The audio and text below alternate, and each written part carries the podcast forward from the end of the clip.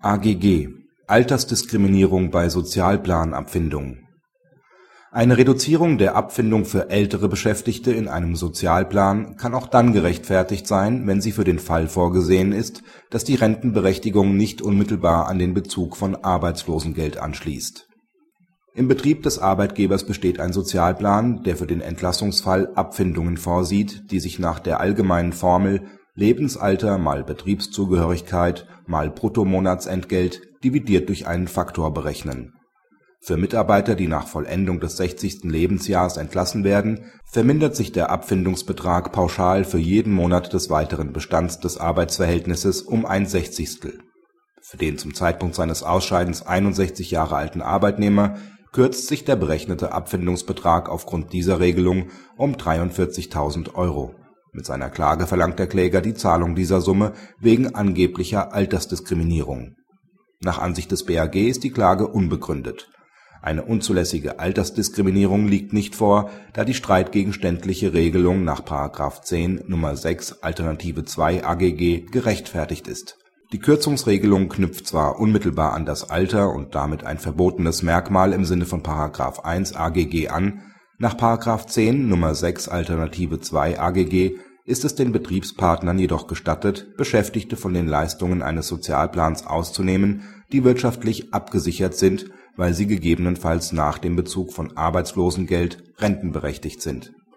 Diese gesetzliche Regelung ist durch ein im Allgemeininteresse liegendes sozialpolitisches Ziel des deutschen Gesetzgebers gemäß Artikel 6 Absatz 1 Satz 1 der Richtlinie 2000/78/EG gerechtfertigt.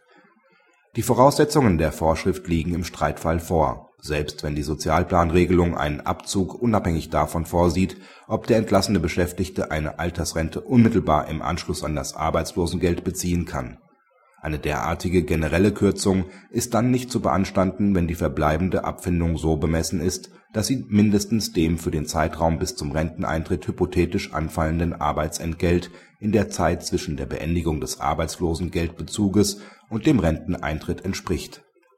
Die gewählte Regelung ist auch verhältnismäßig. Aufgrund der gewählten Abfindungsformel und dem zur Verfügung stehenden Sozialplanvolumen durften die Betriebsparteien davon ausgehen, dass die von der Kürzungsregelung betroffenen Arbeitnehmer bis zum Rentenbezug ausreichend wirtschaftlich im vorgenannten Sinne abgesichert sind. Um der Ausgleichs und Überbrückungsfunktion des Sozialplans gerecht zu werden, ist eine Kürzung der Abfindungen für rentennahe Jahrgänge erforderlich.